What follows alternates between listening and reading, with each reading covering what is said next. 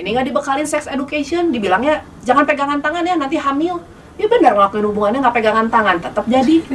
Ya kan nggak salah. Cek si anak kan salah. Iya soalnya saya pernah ketemu kasus itu beneran pak.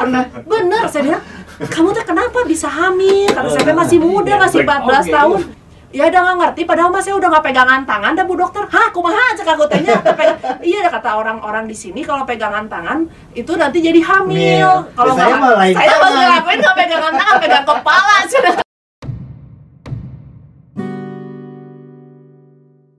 Kawan-kawan apa kabarnya? Eh, mudah-mudahan lagi sehat semua ya. Tri Ruanda dan Patri Handoyo juga eh, rasanya kami lagi sehat ya. Meskipun di, di tengah kita ada dokter Pak. dokter kan untuk Jadi sehat rasanya seperti orang sakit aja gitu kalau ada dokter di sini. ada dokter Elvin Gunawan dok sehat dok. sehat Secara fisik. Tuhan. Mental kumaha? Eh, setengah pak. Kalau dulu satu persen ya sisanya.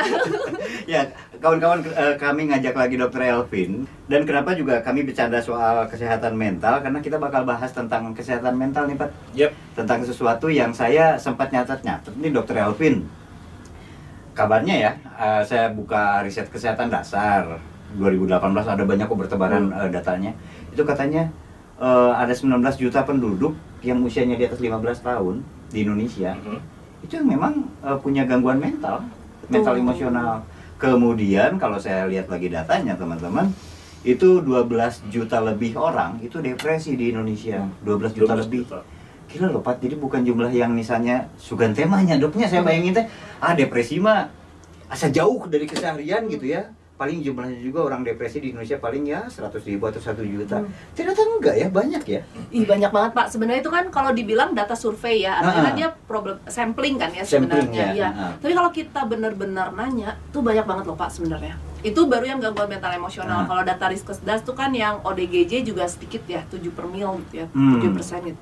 Padahal kalau kita selalu main nih ke lapangan, satu puskesmas tuh minimal udah nangani 300 ODGJ loh rata-rata. satu puskesmas Iya, saja ada yang serat. Kalau puskesmasnya besar, Hmm, rata-rata kalau yang masih jauh-jauh tuh sekitar seratusan. Jadi satu kabupaten tuh rata-rata kalau saya pergi nanya tuh kurang lebih tiga ribuan ODGJ loh pak. Itu orang dengan gangguan Jiwa jiwa, yang berat. 300 Yang berat. Iya. ODGJ diagnosisnya apa banyak? Schizofren. Oh iya. Itu yang level schizofren loh. Oh, gitu. Jadi jangan bicara yang gangguan mental emosional yang. Iya, Ya iya, juga iya, kita iya, masih iya. Nggak usah jauh lah pak. Jalan masih kanan kiri kadang suka ada kan yang Kalau jalan. bedanya schizofren Ah. sama gangguan mental emosional kan Nah, apa? kalau schizofren itu kan gangguan mental emosional atau gangguan jiwa yang berat. Makanya dia sudah ada gangguan realita testing. Jadi dia udah tidak bisa membedakan ini dunia fantasi atau Oke. ini dunia reality. hmm. Itu makanya gejalanya pun ngomong sendiri Oh, atau dia oke. yang suka ketawa sendiri atau yang teman-teman sering lihat gelandangan psikotik tuh kita sama iya, mainnya. iya. Nah, itu schizofren, semuanya schizofren tuh. Itu yang ngomong sendiri kayak Iya, gitu ya yang itu kategorinya ODGJ. ODGJ orang dengan gangguan jiwa yang Tapi kalau yang yang- berat tapi kan. Ya, berat. Tapi kalau yang mental emosional kita tadi? sebutnya tuh ODMK orang dengan masalah kesehatan Oke. jiwa jadi Oh, dia uh, punya mereka beda ya? beda ya jadi kalau kita makanya lebih lembut untuk ngomong yang depresi dan cemas karena takut mau ke psikiater nanti takut sementara gangguan mental emosional tuh kan dia bisa berhenti obat gitu Hmm. jadi pengobatan biasanya masuk gangguan mental emosional paling banyak tuh depresi cemas kemarin kita ngelakuin survei di anak uh, kuliahan Mhm. sampelnya hampir 3.600 yang sudah depresi itu hampir 70% loh Pak. anak SMA Anak kuliah. Kuliah. anak kuliah Ya, yang cemas, gangguan cemas dan panik itu sekitar 60 persenan. Yang punya ide bunuh diri itu sekitar 14 persen. Hmm. 14 persen ada 14 persen loh Pak dari dari dari 100 14 itu teh. Hmm. Jadi Saya sampai teka, saya tuh Iya, bilang, iya, iya, iya. Iya, maksudnya Ih, dulu orang tabu mungkin ya mikir kayak gitu. Orang Ah. nggak akan nanya gitu kenapa sih gitu. Tapi sekarang tuh orang kalau saya praktek sehari ternyata salah satu rekomendasi tuh bertanya, kamu ada kepikiran nggak untuk mengakhiri hidup? Hmm. Kamu pernah terpikir nggak untuk mengakhiri hidup? Hmm. Hmm. Itu data sebelumnya juga sama di anak bidik misi tapi ini eh, yang beasiswa negara itu Hmm. eh, yang sudah melakukan dan gagal tuh ada sekitar 4-5 persen. yang sudah pernah eh, Sudah pernah melakukan. Melakukan percobaan, ya? melakukan percobaan Hmm. dan karena dia gagal kan dia masih bisa ngisi kuesioner ya gitu Oh, tapi itu iya. tuh tinggi loh angkanya Oh iya. gitu kalau iseng nih kadang kalau saya iseng buka jadi eh, search engine gitu ya Hmm. terus eh, ak- kasus bunuh diri itu tuh setiap hari hampir loh setiap hari ada dua atau tiga kasus Eh, tadi kan eh, angkanya tinggi ya, Hmm. 70% menderita apa? depresi, kemudian berapa? 60% 60% gangguan mahasiswa cemas gangguan cemas. Eh, gini, itu artinya berhubungan dong sama fenomena di media sosial Betul. akhir-akhir ini gitu ya. Kan sering tuh lagi happening lah bilang mental Hmm. health lah, Iya, apa iya, kemudian ya bipolar dan seterusnya dan seterusnya. Hmm. Sering tuh lah bertebaran tuh. Nah, eh, itu emang karena apa namanya eh, cara deteksinya makin baik atau memang keadaan itu udah dari dulu ada sebenarnya sih? Um, sebenarnya dari dulu juga ada Oke. cuman sebenarnya thanks God-nya sih di masa pandemi kemarin orang lebih banyak cerita tentang itu. Hmm. dan untungnya di luar negeri pun beberapa influencer tuh kan bilang bahwa mereka berobat lah atau segala macam. Dan akhirnya anak-anak muda ini berani untuk mencari akses pertolongan. Dan di masa-masa pandemi kemarin tuh kan salah satu uh, pedoman dari WHO tuh memang kita memberikan uh, layanan kesehatan karena isolating itu sebenarnya udah masalah mental emosional sendiri udah pasti nyebabin masalah mental Isolating emosional. tuh menarik diri ya dari lingkungan. Ya kayak kemarin kan kita nggak boleh ketemu orang karena manusia tuh kan memang benar manusia tuh sebagai makhluk individu dan makhluk sosial. Ketika fungsi sosialnya terganggu udah pasti gangguan mental sebenarnya sih gitu. Jadi isu kemarin tuh happening banget walaupun adalah kita harus beberesnya akhirnya jadi lebih banyak self diagnose. Hmm. Akhirnya banyak yang mendiagnosis diri sendiri tapi nggak mau berobat juga. Oh. Yang nyien nyien kesel batur tapi bung dia disuruh berobat ya bung gitunya orang sehat tapi wah launching ke mana-mana kalau dia punya itu. Jadi ya, jadi kalau memang informasi sebaik apa pun kalau tidak bijaksana dan tidak cukup keilmuannya kan akhirnya jadi mess up gitu. Iya, karena kan gini, eh, dulu ya sebelum zaman internet itu juga banyak tuh orang yang berkeliaran di jalan nggak pakai baju Betul. gondrong, Iya, ya betul. kan gitu. Nah. Terus orang-orang yang dipasung Betul. itu banyak kan, Betul. gitu. Nah untungnya sekarang ada ada kekuatan netizen plus Hmm. 62 ya yang selalu terdahsyat gitu ya gitu. Jadi itu membantu untuk advokasi benernya. Vokasi dan alat diagnosa itu, Iya. alat, alat diagnosis itu sendiri. Betul. ya. Jadi kan sekarang orang udah minimal destigmatisasi lah ya kalau aku bilang ketika Oh, orang stigma. Iya, jadi kan ketika sekarang ngomongin isu kesehatan jiwa orang tuh naon sih nya di dinya teh nya embung embung di sinepa gitu ya kan. Kalau Iya. dulu mah gitu, Hmm. pergi ke psikiater juga mungkin pakai wah, pakai cadar, Pakai segala macam meta panggih gitu Iya. Terus kita karena duduk malu, depan, iya, karena malu kan, aib malu, dan betul. seterusnya. Coba duduk depan poli psikiater. Hmm. Diliatin kali satu poli Iya. kunaonnya si ibu tuh iya padahal cantik gitunya Iya. gitu. pasti iya stres, pasti iya gitu Nah, kan iya gitu. gelo, Eh. Hmm. Akhirnya kan si konsep-konsep itu membuat orang jadi takut berobat. Tapi sekarang cukup banyak karena nyaman dan beberapa rumah sakit udah mencampur juga tuh pasien-pasien gangguan mental emosional tuh dengan pasien umum. Jadi nggak ada stigma lagi kalau aku bilang. Oh inklusif aja ya, jadi datang. Inklusif, Hmm. betul. Kalau kalau secara generik dok, eh, baik gangguan mental emosional maupun dengan gangguan jiwa itu apa sih dinamainnya? Nggak Hmm. bisa dibilang gangguan jiwa aja. ya? bisa sih sebenarnya Gitu cuman lebih soft lah ya gangguan mental emosional gitu karena kan kalau gangguan jiwa orang gangguan jiwa nu berat yang ringan yang sedang tuh sering Tapi pertanyaannya kan gitu dirimu apa spesialis kesehatan? kedokteran jiwa, betul bisa cuman konsep jiwa tuh kan apa ya kalau aku bilang jiwa tuh abstrak banget ya Hmm. Orang bilang jiwa sama seperti kita bilang spiritual abstrak banget gitu kalau mental emosional orang bisa nalar ya gitu maksudnya oh dia gampang marah nih gangguan mental emosional gitu kalau gangguan jiwa tuh luas, Luas banget banget. kasarnya gitu Oke, Dokter Elvin ini eh, dokter eh, seorang dokter teman-teman spesialis kedokteran jiwa ya. Hmm. Jadi kita akan Bukan Tapi ini- spesialis kesehatan mental ini, emosional ini ini lumayan loh di sini biasanya spesialis kejiwaan gitu jadi yang meraba-raba tentang kejiwaan kejiwaan kejiwaan ya. nggak nggak yang benar tuh spesialis kedokteran jiwa ya teman-teman kan? lain kejiwaan ya Lain gitu kejiwaan. Kalau spesialisnya itu tadi mental emosional. iya benar Ah, bukan Ya, makanya SPKJ kan. Hmm, betul. Eh, eh, jadi makanya kami kenapa kami ngomong hal yang aneh-aneh, sorry. Mulai dari tadi ngobrolin apa soal orang yang di jalan nggak pakai baju atau ngomong sendiri Hmm. sampai ke yang soal bunuh diri karena buat kami mental health atau kesehatan jiwa ini jadi jadi hal yang relevan, Pat. Mhm. Kenapa? Karena saya teringat ada beberapa cerita saya nggak tahu makanya mau konfirmasi ke dokter Alvin juga apakah dia berkaitan juga dengan penggunaan zat nantinya Hmm. gitu kan langsung jawab aja dok Langsung apakah jawab ya. misalnya si si si orang yang ngalamin itu tuh selalu akan karena berobat, maka kemudian berkaitan dengan tadilah nantinya akan ada adiksi atau Hmm. atau seperti apa sih? kaitannya? Sebenarnya kan kalau kita lihat si pohon-pohon diagnosis itu kan gangguan adiksi, gangguan mental perilaku akibat penyalahgunaan zat itu kan masuknya ke PPDGJ. Pedoman Apa paduan diagnosis gangguan jiwa. Oh, Jadi hmm. dia tuh sebenarnya part dan dia Hmm. penyakit loh, Dan bukan penyakit. penyakit. sosial. Ingat Ya. ya, dia bukan Jadi penyakit. ketagihan zat itu adalah Iya, penyakit. penyakit, gangguan mental Dia dibenerin perilaku, berarti, ya. dia Pembenaran merasa- ya. merasa Bisa. Kalau emang dapat Iya. supporter dia dapat ketika supporter. mendapatkan hak untuk merasionalisasi langsung oh, disambar. langsung. Nah, dapat supporter dia oke lanjut dok Ya, jadi si makanya disebutnya gangguan gangguan mental dan perilaku sehingga dia kira menyalahgunakan zat.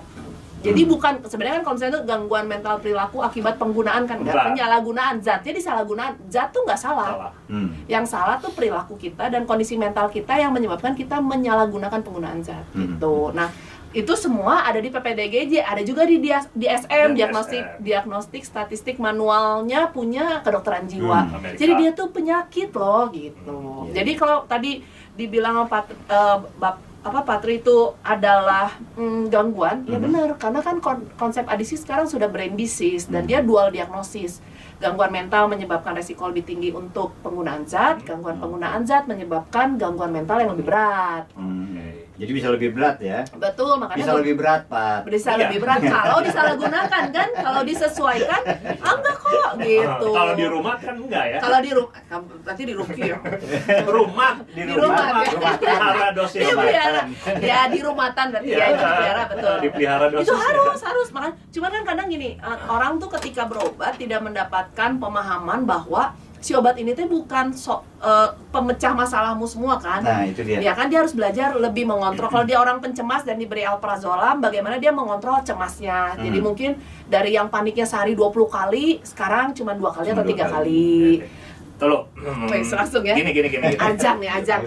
Aku harus cemas, harus harus ini Oke, ya. tadi tadi eh, ketagihan zat itu salah satu gangguan. Ya. Apalagi sih gangguan kejiwaan yang lain? yang jenis lain Ah, yang umum sebenarnya- lah Yang umum, yang umum. Ah, sebenarnya satu gangguan mental perilaku dengan berbagai jenis zat ya, itu GMP PGZ biasa kita sebutnya. Itu Wah, ketagihan kan? kayak Iya. adiksi. Kan kayak nama geng gitu apa Eh? GMP Ah, PGZ, GMP. aku mau bikin gengnya nanti. Jadi nanti kalau ada di tembok-tembok tulisan GMP PGZ itu Itu- gengnya dokter Elvin. gengnya dokter Elvin ya Eh, Gak mau kalah tehnya. Yang kedua tuh gangguan jiwa berat, schizofren. Schizofrenia. Yang ketiga tuh yang cukup banyak gangguan episode depresi. Depresi. depresi dengan berbagainya ya depresi sedang ringan berat Nah, terus yang keempat tuh gangguan kecemasan nah Hmm. gangguan cemas ini unik karena dia di dalamnya tuh banyak banget jadi kalau rumahnya gangguan cemas kamar-kamarnya tuh banyak OCD ada di dalamnya OCD itu OCD. apa? yang obsesif kompulsif yang Oh, udah. nyuci nyuci bulak Iya, nyuci iya, tangan iya, bolak balik iya. Nah, ngunci pintu nggak balik checking ya yang ini harus kemudian kalau kia orang di langsungnya Ah. ah, itu nggak boleh terus yang kedua gangguan panik yang dia lagi tenang gini tiba-tiba terus sesak kayak mau mati minta ke IGD taunya dicek IGD semua baik-baik aja. Mhm. terus yang ketiga ada gangguan cemas menyeluruh. Memang orangnya cemasan. Sama dia mau ngomong bikin kita jadi khawatir aja hidup. Itu cemasan. Nah terus yang em, kelima tuh yang cukup banyak sebenarnya yang sekarang nih saya tangani cukup banyak tuh gangguan kepribadian. Apalagi tuh? jadi kepribadiannya memang sudah terganggu pak. Jadi kalau uh, PPDGJ itu kan dia membagi dua aksis satu aksis dua yang dianut ke Menkes. Hmm. jadi dia tuh membagi aksis satu itu gangguan mental emosional yang utuh yang tadi saya bilang ada penyalahgunaan zat ada depresi ada schizofren dan segala macam gangguan jiwa. Nah di aksis dua tuh gangguan kepribadian. Di dalamnya Hmm. ada yang klaster A klaster schizoid schizotipal jadi memang orangnya senang menyendiri penampilannya cukup aneh. Hmm. diajak ngobrol nggak nyambung dan orang-orang yang punya ciri kepribadian paranoid itu di klaster A kita sebutnya Di itu gangguan kepribadian. gangguan kepribadian jadi memang orangnya kalau ngomong sama dia mah semua juga jadi jahat Oh, gitu. kita ngelihat gini Kalau orang suka gibah itu gangguan kepribadian nggak? ya mungkin itu yang bagian klaster B kali ya nah gitu nah Klaster apa? B tuh jadi sekarang yang banyak nih Hmm. di dalamnya ada borderline mungkin udah sering ya BPD BPD tuh borderline yang Apa tuh? Uh, gangguan uh, kepribadian dengan mental emosional yang sangat turbulen. Jadi dia beda bipolar. Kalau bipolar itu kan dia lebih ada waktunya ya.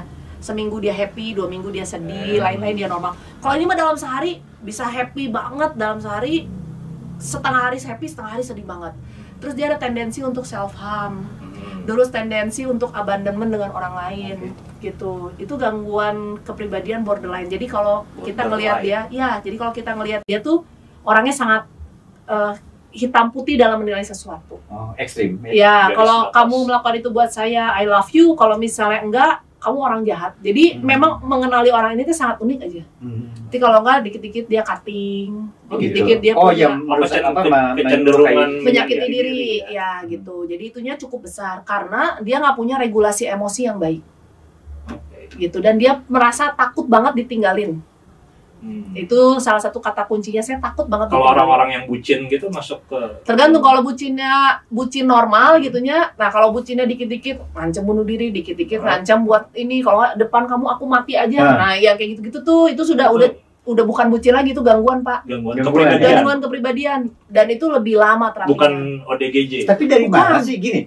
Tapi dari mana sih kita tahu bahwa oh dia memang memang seri, apa serius dalam konteks yang tadi dia ngalamin gangguan bukan cuma karena bercanda-bercanda dari mana orang tahu itu? Iya. Sebenarnya kalau bercanda juga kita anggapnya tetap benar karena orang normal Oh. putus cinta nggak akan kepikiran bunuh diri. Kalau saya putus cinta cari deh, Venus saya jen gitu kan. Ah, ah, ah. Ini mau mending sampai wah gitu ya kasarnya teh, Ah, aduh gitu. Itu tuh biasanya ada kaitannya nanti dengan pola asuh sebenarnya. Hmm. Nah yang kedua satu borderline, yang kedua sangat banyak saya temuin sekarang adalah narcissistic personality. Uh itu Hmm. banyak banget. kumaha tuh? Jadi dia Narsis ini, kayak dia, nah, Narsisnya kayak gimana? Narsisnya- Enggak lah, gua mah. Enggak lah. Iya. Gue. Iya, dia, dia bikin video, dia bikin video sendiri, ngedit sendiri, ditonton sama dia sendiri. Terus di like-nya sendiri, subscribe-nya sendiri gitu ya. Aduh. Lu- Di komen sorangan deh ya. Di komen sorangan, bikin akun sorangannya. Guys, we hirup ke sorangan. Aduh. Jadi yang kedua ini tuh banyak banget, Pak. Jadi Gimana, dia gimana? ciri kepribadian yang everything is about me. Kalau aku bilangnya Oke. gitu. Dan jangan salah loh, sekarang tuh banyak orang tua yang terdiagnosis kayak gitu dan anaknya dari, jadi berobat ke psikiater. Karena orang tuanya narsis. Karena orang tuanya narcissistic Anaknya personality, yang benar. Misalnya gini, um, kita ngomong nih, uh, pokoknya tipe-tipe yang da mama teh marah karena kamunya nggak dengerin mama. Padahal marahnya nggak geboban gitu misalnya. Atau pokoknya seneng banget membuat guilty trip.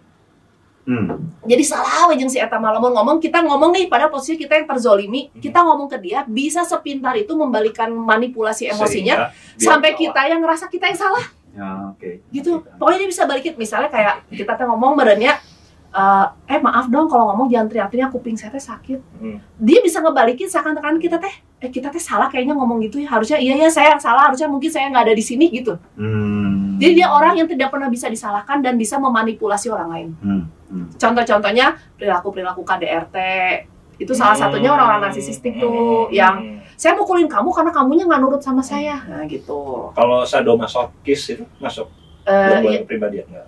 Ya itu part sih Oh, part, sebenarnya. Nah nanti ada lagi dari narsisistik lengkap kalau dipasketkan dengan yang antisocial personality. Hmm. Dia bukan antisosial tuh bukan ansos yang teman-teman ngerti sekarang menarik Hmm. diri. Dia tuh senang banget untuk melanggar aturan. Jadi memang Oh, memang hidupnya sengaja Iya, melakukan ya, itu. contoh-contoh psikopat, Psikopat, sosiopat ya. tuh yang kayak gitu-gitu Iya, tuh antisosial. Hmm. Oke. oke, Gitu. oke. Yang terakhir mungkin yang akan melengkapi di antara semuanya di zaman eh, digital ini Hmm. adalah yang histrionik, yang memang drama queen. Drama queen. Keinjek Oh. kakinya juga dia bilang kelindes trap.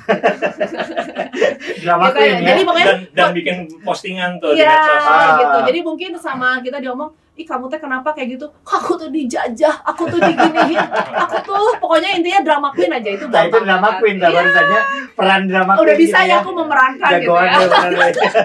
menjiwai Nah, pak. Tapi gini, di mana letak empati? Kalau gitu kan, gini, saya saya eh, tanpa bermaksud me- apa namanya, kok si dokter meniti empati sih? Kan itu gangguan jiwa gitu ya. Hmm. Eh, artinya artinya mungkin buat orang itu mah itu tuh masalah yang besar pisan Hmm. gitu ya sampai dia drama queen gitu. Kenapa kita nggak boleh empati pada hal seperti itu dok? Jangan-jangan ya memang buat dia mah berat pisan gitu. Kok kenapa? Dok? Sebenarnya sih berempati mah Ya kan nggak mungkin pak lagi konsul gitu, nah, ah kiwe cemen gitunya kan nggak pernah Ah, tuh kalimat ya. itu tuh tidak boleh itu boleh salah satu ya. part empati. Tapi sebenarnya di balik semua gangguan kepribadian tuh ada ada proses tumbuh kembang dia yang salah. Oke. pola asuh Hmm. jangan-jangan dia mengalami ini juga karena dulu dibully nah bully tuh aduh para pisan lagi Bullying, bullying tuh gila bener Iya, iya, iya. itu satu topik yang harus dibahas banget Hmm, hmm, hmm. karena kemarin ada kasusnya ongko dia yang dibully tapi dia sampai gangguan jiwa berat dia yang dikeluarin dari sekolah coba pak karena katanya ini beresiko membuat orang lain gangguan jiwa skor udah kumaha cek urang tehnya itu tuh bener-bener parah banget Dia bullying selalu liur Iya. jadi orang mah. pasien saya dia yang dibully karena terlalu cantik pusing ya Oh iya. ada pak Oh iya saya dengar. tuh kan ada Gue gue juga suka kayak gitu karena terlalu ganteng sering banget gue dibully. Saya denger gitu. Jadi ada tapi saya kira itu gua kira itu bercandaan. Itu kejadian. bener pak ada yang dibully karena terlalu cantik saya sampai pusing muka jelek salah muka cantik salah jadi kudu kumaha standar sosial Saya kira ada di meme doang yang yang gini loh. Kasus kemarin apa ya yang lagi rame itu? Jadi eh, jadi beritaku itu di media online saya lihat bu- artinya bukan meme yang dibuat orang-orang, Ah. media media media massa. Jadi dia buat jadi beri- beritanya itu ada guru oh guru. Hmm. Ada guru cantik di sebuah sekolah. Hmm.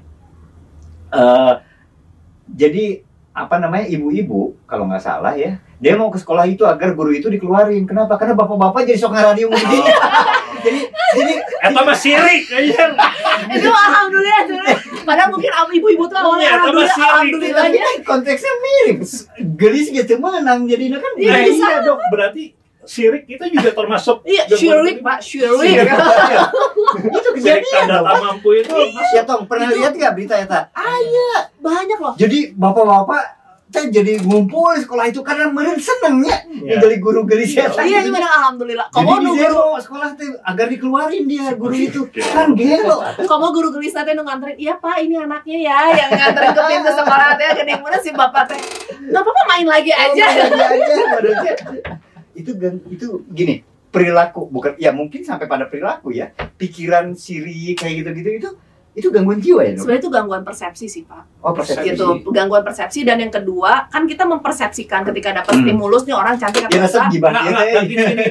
Gangguan persepsi itu gangguan jiwa bukan sih? ya Sebenarnya kan gini, kalau gangguan jiwa tuh kita melihat fungsi tiga. Satu fungsi persepsi, kita berpikir oke apa yang kita persepsikan pandang, terhadap kan, satu itu stimulus pandang, betul, kan. perspektif lah kalau Ah. bahasa ini. Hmm, Yang kedua emosi, oke bagaimana kita merespon kan. Hmm, Yang ketiga tuh perilaku. oke. Nah, Oh. tiga hal ini adalah tiga hal yang biasa kita coba untuk pakai ketika menilai seseorang. Hmm. Oh ini mah orang teh mending negatif wae nya ngomong jeung si mah juga berat teh dunia teh bereunnya gitu. Oh ini kayak mau kiamat besok Ah, gitu ya jadi persepsinya tuh orang, orang ini negatif. Oke. Makanya emosinya juga jadi negatif, makanya Oke. perilakunya lebih banyak menghindar. Hmm, hmm, hmm. Kalau kedokteran jiwa ya, secara awam ya, secara awam disebutnya kedokteran jiwa lah seperti itu. Itu mengenal yang disebut aura nggak sih? Nah itu yang saya belum belajar. Tapi ada dikenal dalam itu. Karena kan gini, Ada teorinya, ada tuh tapi saya belum belajar. Sama itu tuh eh, si aura. aura. Iya. Hmm. Ya kan mirip kayak tadi kan misalnya itu kalau persepsi kan kan itu. itu. ah. Nah iya auranya si Iman negatif gue kan kayak gitu kan. Suka Oh kalau aura yang itu mah kita juga ngerasain vibe lah kalau sekarang Vibe. istilahnya Vibe. vibe. Soalnya aura teh juga nu cenayang kan aya biru. Ah. itu kan citra bukan Bener. persepsi. Kan kelihatan mungkin kalau yang udah umur-umur senior ini gitu ya. kan kelihatannya maksudnya oh orang ini mah insecure gitu. Oh, Ah. berarti kan nggak gejalanya nggak jauh pasti perilakunya lebih gampang cemas. Hmm. Oh nu iya mah pede teuing gitunya. Hmm. Jika nah iya mah agak-agak arogan, Hmm. eh, berani nyerang orang, oh, ini gangguan gitu kan. Dan itu kan berdasarkan aura vibe ya kalau aku bilang. Iya iya iya. iya. gitu dan anak sekarang nih sangat sangat tidak terlatih untuk punya hubungan interpersonal Kenapa bisa begitu dong? karena semuanya difasilitasi oleh internet dulu kalau nggak ngerti nanya kan ke teman pak Hmm. Hmm. Hmm. Benar benar. sekarang nyari di Google Ya, gitu ya itu nanti di ya di, di apa namanya di, di, Di satu search sisi engine, ya, betul. ya di satu sisi kan dampaknya bagus ya Hmm. orang bisa Bisa Ya, belajar di bisa belajar aja. banyak hal gitu kan global berpikirnya gitu kan Hmm. sangat tapi ada satu hal yang terlupakan ya interpersonal komunikasinya interaksi dengan orang gitu ya, jadi minim ya. makanya si social life kita juga nggak baik-baik aja. Makanya kalau lihat konten Oh, iya, juga nggak baik-baik aja. Makanya saya kalau bilang dampak dari pandemi ini bakal kita panen 20 tahun lagi kan sebenarnya. Hmm. moga-moga di saat itu sih bisa kita lewati dengan intervensi yang baik. Hmm. Dampak krismon udah kita alamin sekarang kan pak? Iya. di usia-usia krismon Iya, ya aku iya, ya. iya. nah dampak pandemi yang sekarang anaknya masih dua tahun tiga tahun nggak pernah ketemu teman anaknya yang masih SD semua di rumah. Jadi kita panennya kan nanti. Iya. gitu. Jadi ya kalau tidak ada intervensi yang tepat gangguan mental emosional bakal kayak bom waktu. Itu udah udah diingetin berkali-kali. Di Hmm. di semua acara pemerintah dunia tahun ini bicara tentang mental health. KTT iya, G20 iya, G20 juga ya. U, eh, UNH iya, semua udah bicara tentang mental health. Hmm. Cuman ya karena mungkin abstrak merenya jadi naon sih, yang penting mah Nah, sehat. apa sih saya kadang-kadang suka gini dok, oke lebih makro nih ya. Eh, Kadang-kadang suka suka suka heran gitu. Apa benar eh, persoalan kalau mendengar tadi pernyataan dokter Elvin kan, Hmm. ini kan persoalan yang apa ya, yang luar biasa genting gitu loh. Sedikit-sedikit sebetulnya kan masalah gangguan jiwa itu luas dan dan banyak orang ngalamin itu kan gitu. Iyalah. Nah, tapi kok nggak apa ya? eh, kok terasa jauh gitu karena karena secara awam mah yang namanya penyakit mah ya fisik, we gitunya kan dokter. Nah, Hmm. nah, Kenapa sih bisa begitu dok sebetulnya? Karena ya tadi si orang tuh kan sering menjudge orang karena tidak ngerti ya. Si stigma ini tuh kuat banget pak. Karena stigma ya. Stigma tuh kuat banget coba bapak pas ngasih resepnya pas lihat capnya SPKJ meren uh gitu meren namun bisa mah tong panggi meren. Hmm. Bukan maksud saya dilihat dari gini lah meskipun nggak fair juga ya nggak ada pemerintah di sini. Emang pemerintah emang pemerintah nggak nggak nggak cukup aware dengan ini dok yang eh, Diko kan praktisi medis ya Hmm. eh, orang yang tahu banyak juga soal isu ini emang kerasa nggak ada dukungan untuk misalnya membuat ini jadi terasa penting tanpa harus nakut-nakutin ya Programnya ada nggak coba? Nggak nggak tahu jangan jangan nanya ke saya Sebenarnya gini, Buktinya puskesmas terima 300 ODGJ tuh. sebenarnya gini, paling mudah melihat bagaimana atensi pemerintah terhadap satu isu tuh anggaran. oke itu Ya kan itu udah paling normal Indikator lah, ya. indikator paling normal. Anggaran jiwa tuh nggak pernah ada pak. Kalau ada juga minim kali. Nah, terus ODGJ yang 300 ODGJ yang ke puskesmas itu gimana Kan ceritanya? BPJS. BPJS tuh mengcover. Bukannya semua penyakit di Indonesia tuh emang nggak dianggarin lewat BPJS ya atau asuransi swasta? Semua eh, coba kalau asuransi sekarang ada beberapa company yang cukup baik lah menurut aku dia mengambil eh, apa layanan jiwa dalam prosesnya. Tapi BPJS itu mengcover si jiwa. Cuman teman-teman di puskesmas juga mengalami permasalahan karena obatnya juga nggak ready. Hmm. Gitu. Jadi ketika supply demand antara si supply obat dengan demand obatnya tidak sebanding, ada orang yang tidak punya hak untuk berobat kan gitu, tidak bisa terpenuhi. Hmm. Akhirnya kalau dia ngamuk, dia ngebunuh orang, dia ngebakar rumah orang, ya akhirnya dipasung kan pak. Iya. Nah akhirnya si cycle itu nggak pernah lepas. Gitu. Kalau mau ngomong gagalan, masa ngomong kegagalan? Galak ya akunya. Tapi begitu tuh ya maksudnya, eh, maksudnya ini tuh adalah sesuatu hal yang mungkin saya tidak bilang gampang ya. Tapi kalau semuanya mau urun rembuk, teh hal yang mudah. Kayak adiksi lah berapa tahun sih rumah cemara berjuang coba. Hmm, hmm. Ya akhirnya kalau dibilang, wah maju maju maju, Hmm. ganti mundur Maju deh. mundur, maju mundur. Maju maju maju maju, meren lagi. Lumayan lagi kalau maju yang keduanya teh lebih kan based onnya based on pembuat kebijakan kan. Ya artinya mereka tuh strategis kan sebetulnya. Sebenarnya enak banget gitu pak. Kalau bagi saya ya, Ya udah tuh nyalon aja. aduh orang bisa jeprut merenya maksudnya gini punya kekuasaan Hmm. punya anak buah Hmm. punya anggaran Hmm. punya ya kalau perlu keilmuan tinggal nyari rumah cemara meren nyari naon gitunya gampang gitu nyari akademisi tinggal menghubungi kurang naon sih gitu maksud aku kepentingannya pinter ya ah, gila aku bangga banget duduk di sini guys cia Duh, nanti ini banyak disensor Wah, kurang mah. Mau disensor Kayak ya. ditarik, oh, ciduk, ciduk gitu. Aduh. kan kan tadi yang ngomong dia. Oh, iya, gitu ya. Dok, balik lagi ke yang bagaimana kemudian kita mengenal hal yang umum ya eh, agar orang di- di- gini di setiap keluarga biar fungsional nih Pak eh, Ya. tayangan ini di setiap keluarga misalnya dari mana sih orang eh, bisa mulai mengenal oh ya ada anggota keluarganya yang harus diakui dia mungkin gangguan jiwa gangguan cemas atau apalah namanya Nah, ini ini penting, gimana Pak. caranya Ini- Ini penting banget. Satu gangguan emosional. oke Itu paling simpel lah. Gampang marah, gampang banting barang, gampang mencaci maki dengan kata-kata kasar untuk level anak ya. Untuk level anak Iya, atau minimal kalau orang tuanya kerja teh kalau tetangga ngomong anak kamu agak-agak teh sadar atau bawa berobat. Hmm. Sekarang orang tua lebih galak Pak kalau diingetin, ih kayaknya anak kamu teh kudu dibawa ke psikiater. Sanu ge lo, cenah gitu kan. oh Padahal anaknya itu udah error Hmm. Gitu. Jadi eh, sebenarnya jangan denial gitu Pak, jangan ya denial sebenarnya bisa diobatin kok daripada daripada daripada daripada nih dia akhirnya memelihara habit itu secara emosionalnya berantakan akhirnya di masa dewasanya dia lebih ripuh Hmm. Ya ya. benar. ngobatinnya kan lebih susah. Iya, iya. Lebih baik misalnya udah kelihatan berbeda baru satu bulan udah sering menarik diri di kamar, nggak mau ngobrol, nggak mau sekolah, sekolah udah seminggu absen, bawa tuh gancang. Atau misalnya mainan dirusak-rusak gitu ya itu itu. eh, Atau jadi main HP terus, sesimpel Hmm, itu itu pak. juga ya. Itu Iya, juga ya. kalau nggak ada kuota ngebanting handphone, Hmm. suka ada agak tell me ya Oke, saya bilang. saya saya ke soal yang sangat mendasar. Itu normal atau enggak? Nggak normal. Nggak normal. Berarti istilah normal ada dong. Sini normal ada, dia bisa berelasi baik dengan orang lain. Istilahnya bukan normal, mungkin fungsional. ya. Betul. Nah, nah, Dia berfungsi. Sesuai usianya. fungsional. sesuai usianya. Misalnya usia 10 tahun dia fungsinya kan main dengan teman-temannya. Dia bisa. Ini mah kita lihat ya, kenapa ya anak kita mah batu rumah main, siapa mah mojok. Hmm.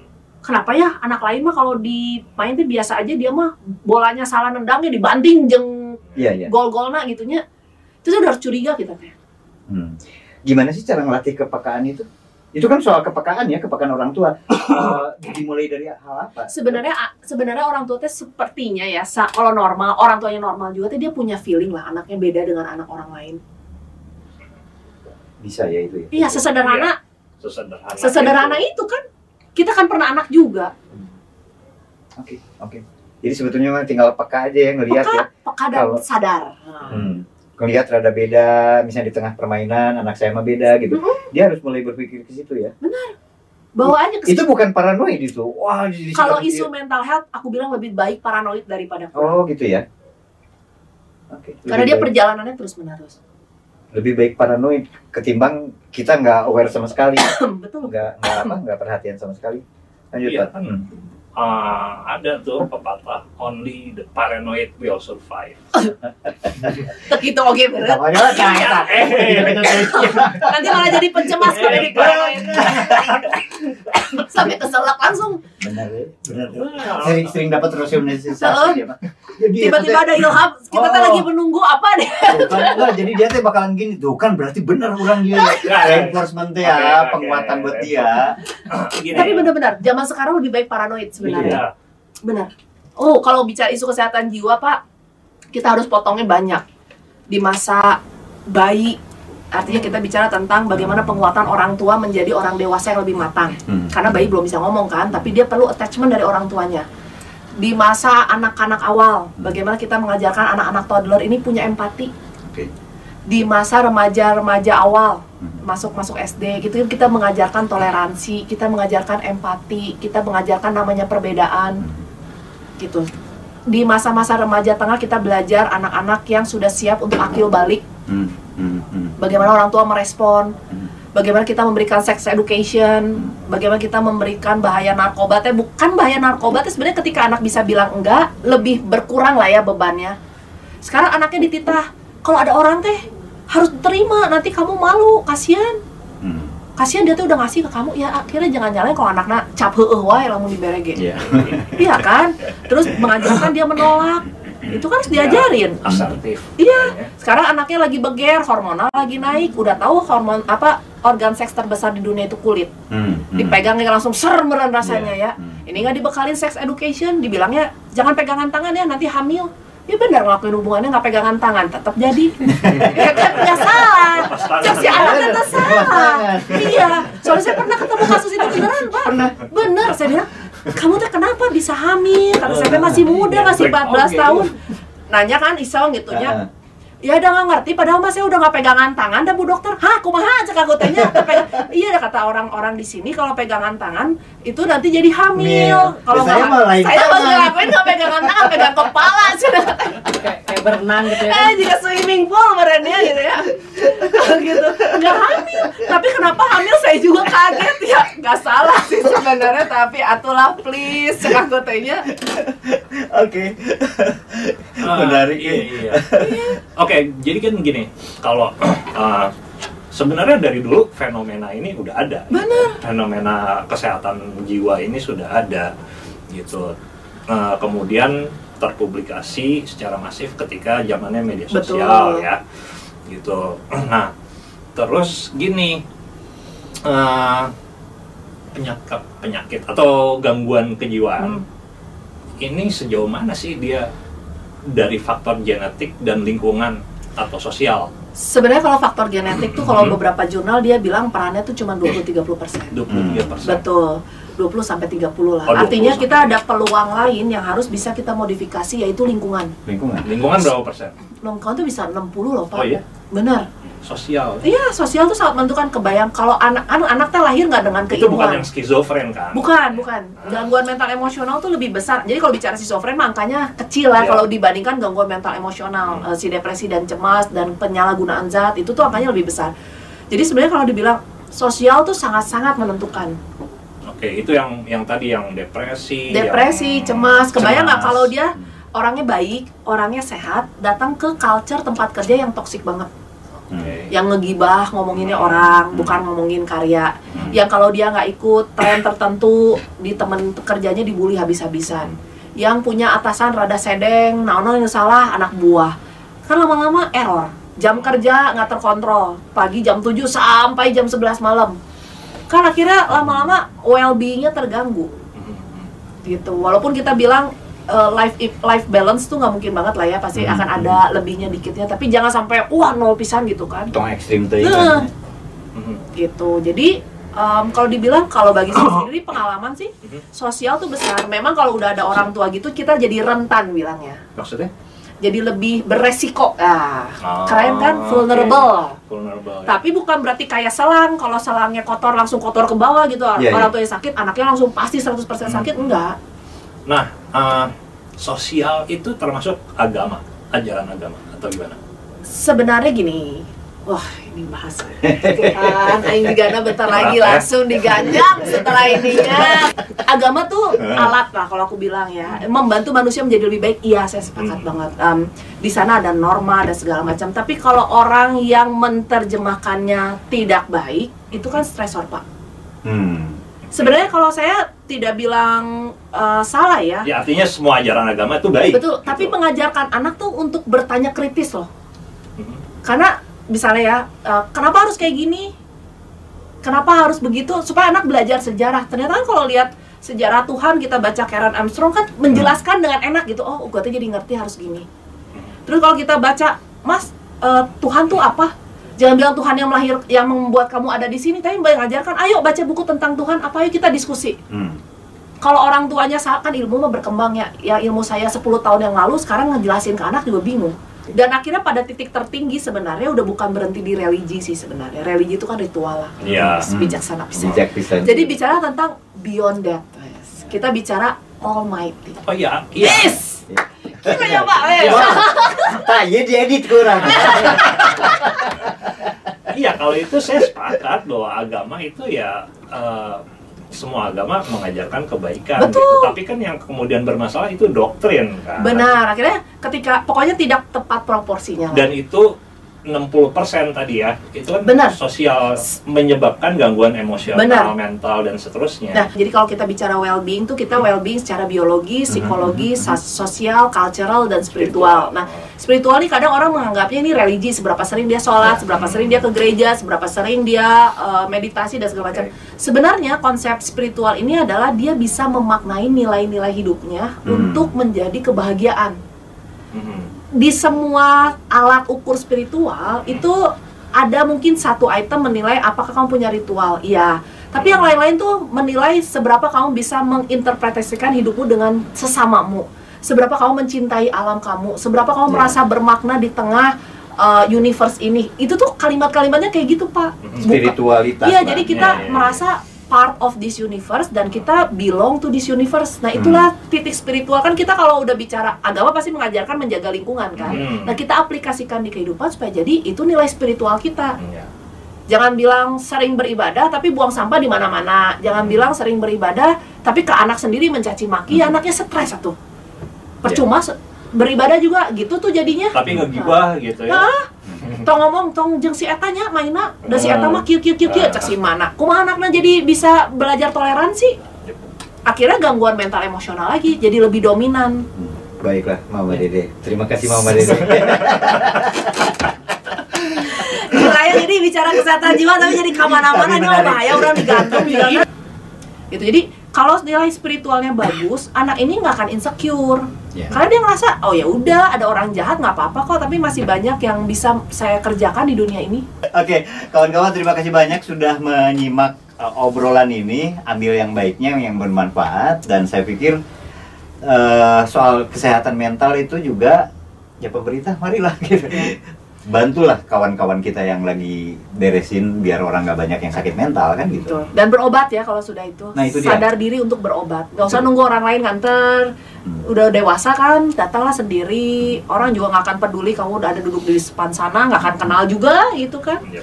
Ya dan kanal ini kan selalu makanya namanya Indonesia tanpa stigma karena memang berharap udah nggak ada stigma lagi deh pada penyakit yang kayak Betul. gitu. Jadi jangan Iya. jangan jadi olok-olok ya, Betul. dok ya. Jangan-jangan sam- jangan sampai ada omongan lagi bahwa hal itu adalah penyakit yang dipilih sendiri. Oh, iya. Nah, itu kan stigma, Mudah- never ending stigma ya. Mudahnya BPJS deh ya. Enggak, enggak, enggak, maksudnya semua kan kayak gitu ya bicara adiksi Iya. orang bilang eh udah ngapain ngurusin orang adiksi Orang orang, itu memilih sendiri. sendiri Hmm. make ah coba tapi dia tidak lihat yang belakang orang dengan murid ngapain mikirin satu gitu padahal ya itu kan dia sendiri yang ngambil keputusan itu ya heeh tapi kan dia juga human being ya dan ada reason pasti kenapa seperti iya, itu Lu nggak tahu kan belakangnya. Iya, kan lu latar cuma lihat cerita orang di ujung. seperti apa gitu kan. Interaksi dengan orang lain seperti apa kan gitu Iya ya. kita seakan yang bisa Eh manjang deh, yuk mah betong. ya ya pesan terakhirnya mah berempati lah pak sebenarnya apa pun itu Oke. Empati ya. Empati. Oke. Dokter Elvin, terima kasih banyak ya.